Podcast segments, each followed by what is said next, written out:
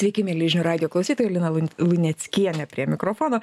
Kviečiu Jūs klausytis laidos ekspertai patarė ir šiandien mes kalbėsime apie labai na, žemiškus praktinius e, reikalus, tai apie aliejų. Ir bandysime aiškintis, kaip ten yra su juo, kokį aliejų galime kaitinti, o kuris kaitinamas gali tapti kenksmingas mūsų organizmui ir kokios to pasiekmės. Taip pat dar pasiaiškinsim, koks aliejaus vaidmuo subalansuotoje mytyboje. Rafinuotas, nerafinuotas, šalto, pirmo spaudimo, kaip žinoti ir nepasimesti.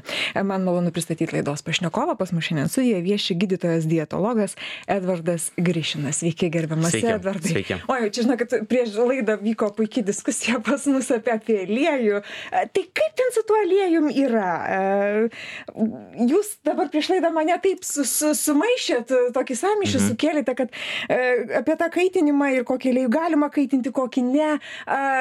Edvardai, tai dabar jau pasidalinkim su visais, kaip čia yra. Tai mes galime aliejų kaitinti ir jeigu galime, kokį aliejų galime kaitinti, ar visiškai netame yra prasmė ir esmė? Aišku, vis tiek turime atkreipti dėmesį tai, kokį aliejų renkamės, kai mes kepame kažką, vėlgi mes negalime rinktis kažko, kas visai netinka. Taip, jeigu mes kalbėsime apie tai, kokius kriterijus turėtų atitikti aliejus, kuris būtų tinkamas kepimui, taip, tai pirmo vietoje, aišku, turi būti ta aukšta smilkimo temperatūra, kuri priklausys nuo ko. Jis priklausys nuo to, kiek pas mus kokių riebalų rūgščių yra aliejuje. Taip, tai kuo daugiau polinesučių riebalų rūgščių, tuo jis yra nestabil, nestabilesnis galiausiai. Taip, tai būtent tai yra tas pirmas faktorius. Antri, antri dalykai, ką reikia atkreipti dėmesį, tai yra kiek yra antioksidantų, polifenolių, vitamino E, to, to paties. Taip, tai yra būtent tų gerųjų medžiagų, kurios kažkaip galės konkuruoti su tais laisvaisiais radikalais, su oksidaciniu stresu, su visais aromatiniais heterocikliais, poliaminais, kurie susidaro kaitinimo metu, kurie yra žalingi mūsų organizmui. Tai yra dar vienas aspektas, kuris taip pat bus labai svarbus. Trečias svarbus aspektas tai yra sotieji riebalai. Taip, tai mes žinom, kad vėlgi neeisime labai giliai į sočiuosius riebalus. Taip tai sotieji riebalai tai yra tie riebalai kurie yra gyvūninės kilmės maisto produktuose ir tikrai yra ta plati teorija kad vėlgi jie yra tiesiogiai susiję su širdies ir kraujagyslių ligomis ir su cholesterolio didėjimu. Tai galbūt labai abstrakčiai pasakyta nes visur bus kabliukas ir bet bet vėlgi turime atkreipti dėmesį būtent į sočiųjų riebalų kiekį taip pat rinkdamiesi būtent šaltinį ant ko mes kepsime ir pagal tokius plius minus kriterijus mes jau galime galvoti kas mums labiau tinka o kas mums mažiau tinka Bet čia mes nusprendžiam, kas mums labiau tinka, ar ne? Ar čia vis dėlto yra kažkokios tai kažkokios normos, rekomendacijos? rekomendacijos yra priklausomai nuo to tik kas rekomenduoja tai yra pirmas dalykas. Ir per kokią prizmę jūs žiūri tas žmogus. Mes žinome tokį dalyką kas liečia pačią mitybą e, klausimas kiekvienais metais gali būti tas pats tik atsakymas skirsis. Priklausys nuo tendencijų kurios yra pasaulyje taip ir kas yra naujo atrasta taip ir kuo žmonės patiki. Nu deja tokia yra tiesa. Ir ką mes matom kad priklausomai nuo žmogaus mes galėsime duoti rekomendacijų. Universaliai taip žiūrint taip ant kokio aliejaus saugiausia kepti jeigu Tai ir paklaustumėt, taip, pasakykim dabar, tai jau, taip ant pa- kokio saugiausia. taip saugiausia, jeigu mes kalbėtume. Moksliškai viskas tvarkoja, Jo. bet kaip pat žmogui rekomenduočiau, virtuvėj, aišku. e, žinoti, kurį tą aliejų man pasirinkti ir aš galiu kepti. Pirmas kepsnį. aliejus tikrai visai geras yra kokoso aliejus. Kodėl? Jame, taip, tai jame yra sučių riebalų, bet jame yra daugiau monų nesučių riebalų rūgščių, kas duoda jam daugiau stabilumo. Tai jo ir smilkimo būtent temperatūra bus aukštesnė. Tai aš būtent pirmoje vietoje statyčiau būtent galbūt pirmoje, pirmoje, antroje, tai per viduriuką statyčiau kokoso aliejų. Antras visai geras kepimui tai yra alyvogių aliejus. Tikrai labai gera alternatyva. Ir čia yra toks kuriozas. Taip, augalinės kilmės, e, daug būtent polinės sučių riebalų rūšių, kurios duoda to nestabilumo, bet ką tyrimai rodo, kad lyginant, pavyzdžiui, tą patį alyvogių aliejaus panaudojimą, taip su, pavyzdžiui, sviestu, taip, kur daug sučių riebalų. Tai jeigu mes kalbėsim apie cholesterolio koncentracijų didėjimą ir bendrą uždegiminį foną, tai būtent sviestas daro didesnę žalą mums negu alyvogių aliejus. Čia kiek klausimus, kodėl? Ogi todėl, kad alyvogių aliejų yra daug antioksidantų, polifenolių ir būtent tų medžiagų, kurios stabdo tų laisvų radikalų, būtent oksidacinio streso formavimąsi.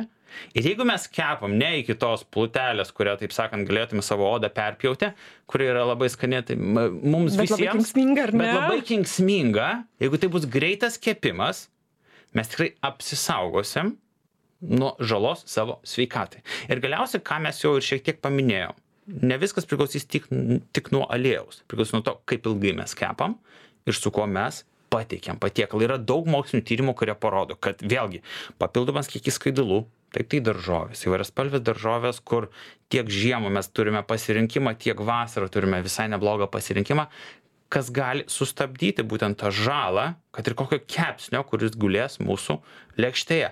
Prieskoniai rozmarinas čiobrelis taip ciberžolė viskas kas pasireiškia antiuždegiminėmis savybėmis taip pat gali pridėti mums didelės naudos. Blogiausias dalykas yra tas kad žmonės nemato to efekto nes jie nejaučia. Žinot reikia žmogui jausti Mm, kad jis gautų efektą kažkokį kad jis tuo patikėtų nes dažniausiai kodėl pas mus apskritai lietuvoj pavyzdžiui pirmoj vietoj kukurūzų aliejus yra stovi Kukurūzų, aš galvoju, kad Taip. rapsai ir saulėgraža ir bus. saulėgrąža taip pat taip Aha. populiarumas labai didelis yra kodėl žmonės čia renkasi yra blogai.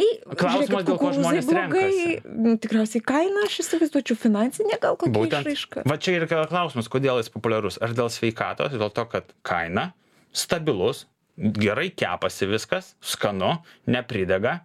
Tada kyla klausimas, kur mes sveikatos ieškome, kas yra sveika. Mhm. Tai, kas skanu, ar turi būti sveikata kitokių savybių turėti. Edvardai, žiūrėkit, sutaupom ant aliejaus, bet paskui tikriausiai einam pas gydytojus, perkamės vaistus ar ne, ir išleidžiam kur kas daugiau negu pirkdami galbūt geros kokybės. Bet mes apie tai aliejų. nesusimarstom. Tai vis Ne, tiek nueiti pas gydytoją sakėt, reikia to labai, nueiti pas gydytoją efekto. ir gauti vaistą, tai jau rūpesti savo sveikata. Ne, tai yra tik simptomo šalinimas, Mhm. tai ne priežasties šalinimas. Va čia vis, didžiausia bėda yra, mes tik maskuojame tai, ką mes darome po vaistais. Taip, aš vartoju vaistus, tai tvarkau savo kraujo rodiklius. Bet ne čia visa esmė. Reikia pažiūrėti tą kelią, kaip tu atėjai iki tų vaistų, ar ne? Būtent, būtent. Mes turime rasti galiausiai priežastį, tačiau ne tik simptomatiką tvarkyti. Ir čia, vat, sakau, daug diskusijų yra, ant ko geriausia kepti, o iš to iškyla, o ką geriausia kepti, kaip ilgai reikia kepti ir su ko pateikti. Tai čia reikia, kaip sakyti, žiūrėti iš abiejų pusių šitoje vietoje. Ir į aliejų, ir į ką, ką aš dedu į Taip. tą aliejų. Gerai, mes turim du aliejus. Kokosas, alyvogės ir dar Aha. trečias. Ką dar trečią galėtume? Kepimui, avokado. Kepimui, avokado aliejus. Taip, bet žmonės jų nenaudos dažnai. Kodėl? Nu, kvapas specifinis. Mes ir nepratę tikriausiai, ar ne? Tai mes jo nepripratę prie to dalyko esame. Vis tiek mes labiau pripratę prie saulėgrąžų aliejaus. Rapsų aliejus labai daug naudojamas. Daug kontroversijų yra, kas liečia rapsų aliejų, nes vėlgi yra nuomonių, kad tai yra genetiškai modifiku- modifikuotas dalykas. Vėlgi rapsų aliejuje daug yra ir galiausiai ir tam tikrų kenksmingų medžiagų, tačiau jos a, perdirbimo metu yra pašalinamos. Taip jau nuimant būtent tą toksiškumą iš jų. Tai vėlgi galiausiai tikriausiai šiais laikais rinkoje sunku atskirti net ir nekalbant apie tai, kas užrašyta ant buteliuko, kur yra tas naudingas rapsoliais, kur ne, aš jų nenuvertinu, tik virš jo stovės aukščiau kiti aliejai paprasčiausiai. Joks nėra aliejus blogas, kaip ir visi migdolų, sėklų aliejai taip toliau. Jie nėra blogi, jie tikrai yra naudingi ir mes neturime jų bijoti. Galiausiai klausimas tik, ar jie bus naudingesni nei kiti aliejai, kurie galėtų būti mums tinkami galiausiai.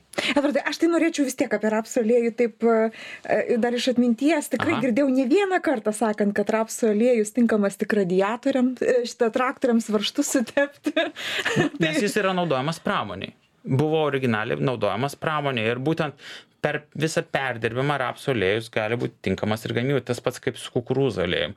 E, Kodėl? Kukurūzų aliejus, jeigu uostyti nors kartą kukurūzų aliejus kvapo neturi. Jis toks. Jis yra rafinuotas galiausiai. Taip, jis kvapo dažniausiai neturi, tačiau kad jis kvapo neturėtų, turi perėti labai didelį kelią perdirbimo.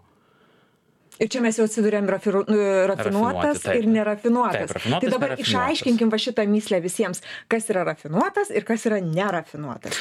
Ir kas yra gerai ir kas yra blogai. Galbūt negalima taip jau kategoriškai teikti. Negalime bet- kategoriškai teikti, bet nes jeigu vat- mes eisime į kultūrinius valgymus, viskas, kas grūzdinta, pavyzdžiui, tai jeigu mes varto, naudosim nerafinuotus aliejus, nu bus dar blogiau galiausiai, taip.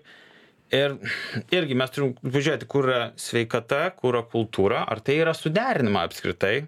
Visais laikais tai buvo suderinama, tai galbūt nereikia jau taip demonizuoti tam tikrų dalykų, kartais rafinuoti aliejai, mano akimis, gali duoti žmogui pasimėgauti tam tikrais produktais skaniais, čia daugiau kalbu apie kultūrinius labiau patiekalus visus mūsų, bet jeigu mes kalbėsim apie bendrai aliejaus panaudojimą sveikatai, tai aišku, kuo mažiau rafinuotas, to bus geresnis. Jis bus natūralesnis. Natūralesnis, būtent natūralesnis, kuo mažiau perdirbtas bus.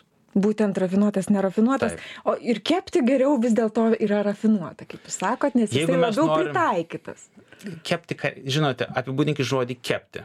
Nu, įjungiau keptuvę, kaitinu, įpiliau aliejaus, pakaitinu, dedu, nežinau, kiaušinį dedu. Va, du, skirtingi dalykai. Kas, kas deda šaukštą aliejaus, kas deda daug šaukštų aliejaus, Okay. pavadinkime taip, kas kepa greitai, kas kepa greitai, kas kepa ilgai, kad gauti tą jau plutelę, apie ką mes kalbėjom. Nuo to dar labiau priklausys.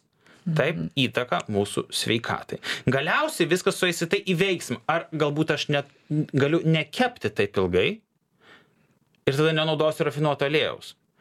Reiškia, ką noriu pasakyti, kad išmesdami rafinuotą aliejų iš mytybos mes nieko neprarasime. Va kur visa esmė. Ir tada kyla klausimas, ar verta apskritai debatus kelti dėl rafinuoto aliejaus panaudojimo, jeigu jo atsisakymas nepadarys mums jokios žalos, vice versa, ir duos daugiau naudos. Galbūt mes pradėsim kreipti daugiau dėmesio savo sveikatą. Dabar jūs jau ne vieną kartą man pokalbio metu sakot teisingas kepimas. Tai dabar man pasakykit, kas yra teisingas kepimas? Koks, tikriausiai aš įsivaizduoju, čia dar visa, visa, vi- čia irgi rekomendacijos yra. Kiek Ne, ilgai nėra. kepti, nėra, kiek. Nėra tikrai, nėra rekomendacijų. Bet na, vis tiek saugus kepimas tada, kad išsaugotum tiek aliejaus savybės, kad jos nevirstų kenksmingom. Gal- galbūt Nėra tikrai, to, nė, nėra Nėra tikrai tokių to- tyrimų, kurie pasakytų iš esmės, kiek minučių reikia Bet kepti. tikriausiai kad- nereikia perkaitinti. Aš manau, kad nereikia pergalvoti ties šitais dalykais, nes mes jau čia einame į tokius, tokius apskritai, sakant, į viršnaitės ant torto mes einame dabar Mhm. su jumis. Taip, nereikia perkaitinti, tikrai nereikia. Nereikia kepti iki storos plutelės, mes visi tą puikiai žinome ir neturime čia kartotis, čia taip sakant, kaip e, prieš miegą poterius pasakyti savo. Nu, nu tą kiekvienas žmogus, kuris Jūs klausėtės žinių radijo kūną, žinių. Jis tą privalo žinoti. Taip, tai koks maistas yra jam tinkamesnis. Mes žinom, kad kuo mažiau apdorotas maistas yra tinkamesnis, kuo daugiau daržovių turi būti mūsų lėkštėje. Mes visi tą puikiai žinome. Mes taip pat prisimenam, kad reikia valgyti nors tris kartus per dieną. Teisingai? Apie tą dalyką niekas nepamiršta. Kad mums reikia judėti kiekvieną dieną, šitos atsakomybės prieš savo kūną niekas neprisimena. Kažkodėl. Taip, linkime ją pamiršti, bet tai yra tokia pati atsakomybė, kuri gali mums padėti kartais net ir džiaugtis tuo nesveikiausiu maistu, taip, dažniau ir nepadaryti jokios žalos a, mūsų sveikatai. Tai vėlgi, mūsų pasaulis nėra idealus, pripažinkim tą dalyką. Neprivalome demonizuoti, aš manau, tų nesveikųjų, greitųjų patiekalų. Mes žinom, kad jie yra susiję gausiai juos vartojant ir netinkamai populiacijai juos vartojant su didesniu mirtingumu, metaboliniam lygom, širdies ir kraujagyslių lygom. Tačiau nebūtinai visada turi būti išmesti visiškai iš mūsų mytybos. Taip, tai kažkiek, kaip sakau, yra dalis yra sveikatos, dalis yra kultūros. Nepulti į kraštutinumą. Tai, ką Neturime ar ne? politikų Mhm. Aš labai noriu, kad visada ta, kaip sakant, tarp baltų ir juodo kažkur ta, ta pilkuma kažkur būtų toks. Tarp baltų ir tarp juodo. Kažkoks viduriukas, kur žmogus mokėtų pasidžiaugti tam tikrom akimirkom ir tuo galbūt nesveikiausiu, taip maistu, bet po to išmoktų grįžti jau prie bazinių būtent tų pagrindų mytybos. Ko mes šiais laikais privalėtume laikytis ir būti sąmoningi, nes viskas, kas aplinkui mus, nori mus apgauti. Mes, sakant, verčiami esame pirkti, pirkti, pirkti visur.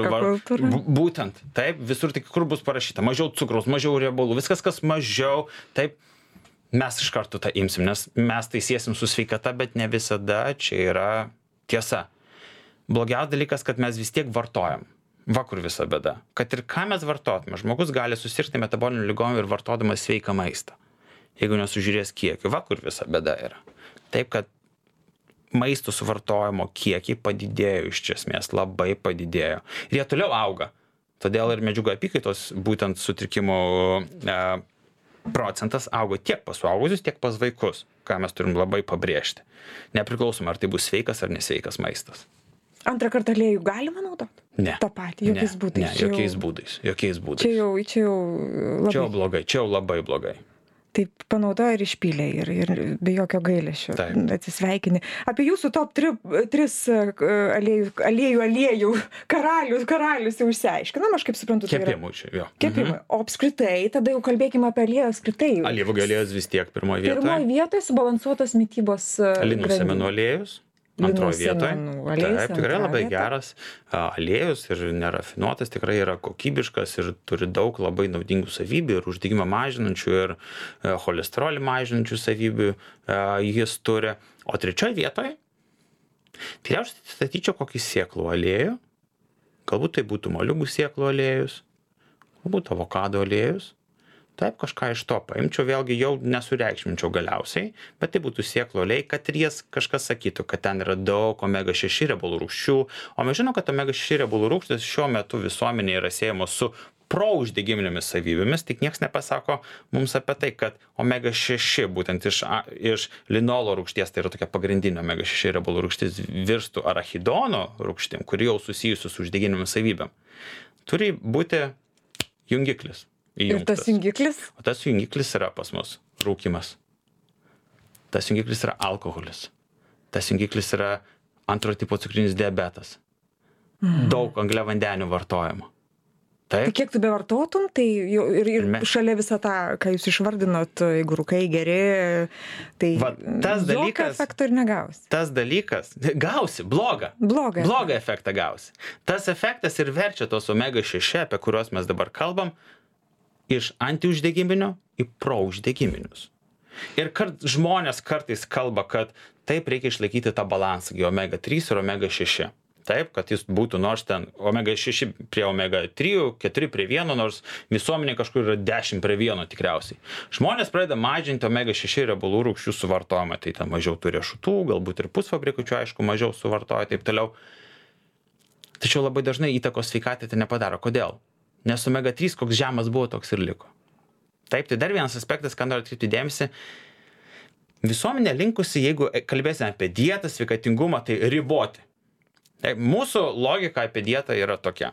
Mažiau Jeigu aš valgyti, noriu mažiau taip. valgyti, mažiau to, išmesti tą, tą. Niekas nepagalvo, o ką duoti savo kūnui, o ko jam reikia.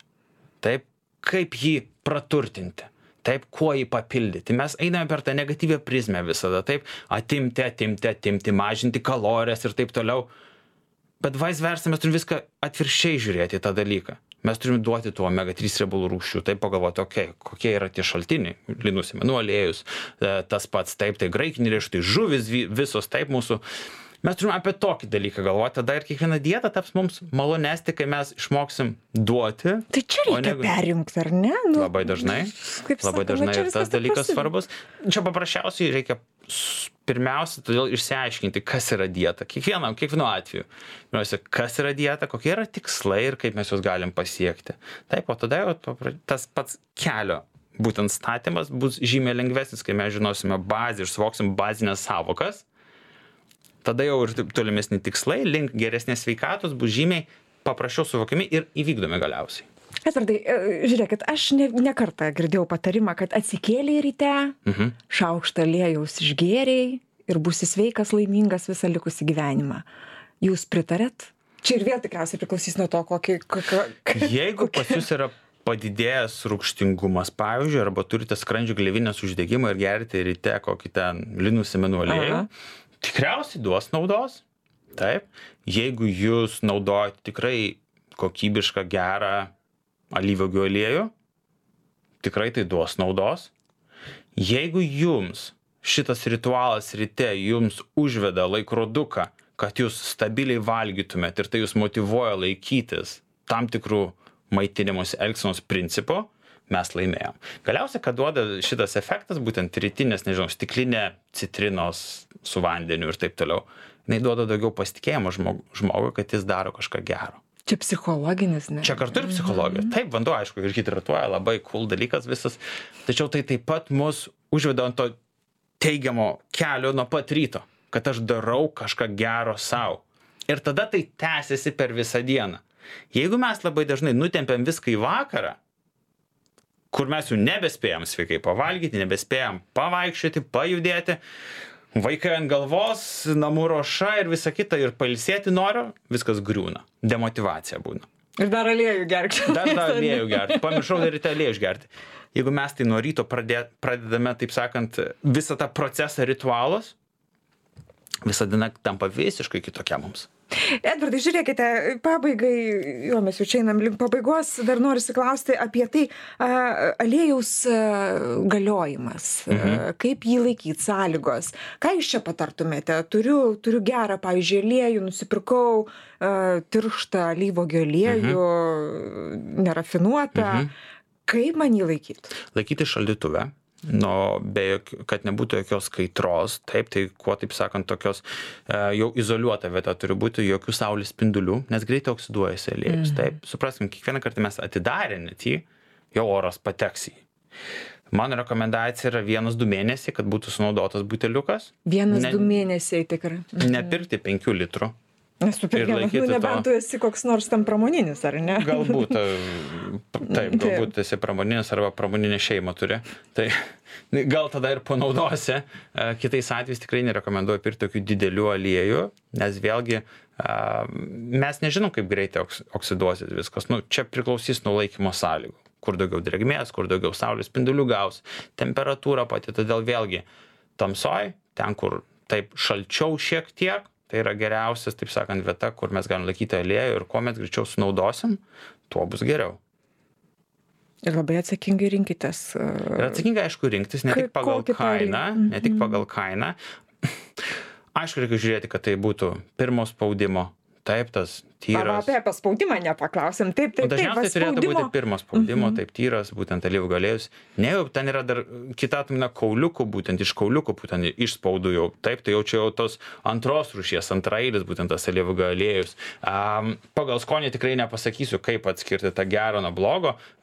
Turėtų būti ta tokia kartumas kažkoks jaustis, vat, e, bet jeigu mes tikriausiai paimtume ir brangų, ir netokį brangų alyvų galėjų, tai paprasta, paprastam žmogui tai būtų sunku atskirti kaip gero nuo blogo vyno tikriausiai atskirti. Taip, tai edukacijos čia tikriausiai kiekvienam mums e, reikėtų, bet vėlgi nors paskaityti būtent, kad tai ir būtų tyras, pirmo spaudimo alyvų aliejus.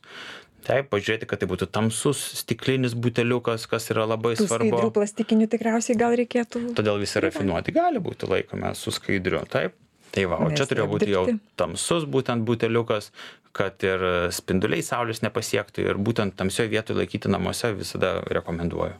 Noriu dėkoti Jums už pokalbį žinių radio klausytojams. Primint, kad pas mus šiandien laidoje ekspertai patarė viešėjo gydytojas dietologas Edvardas Grišinas, įkalbinau aš Lina Luneckienės ir toliau likit su žinių radio gražių Jums dienų. Ačiū.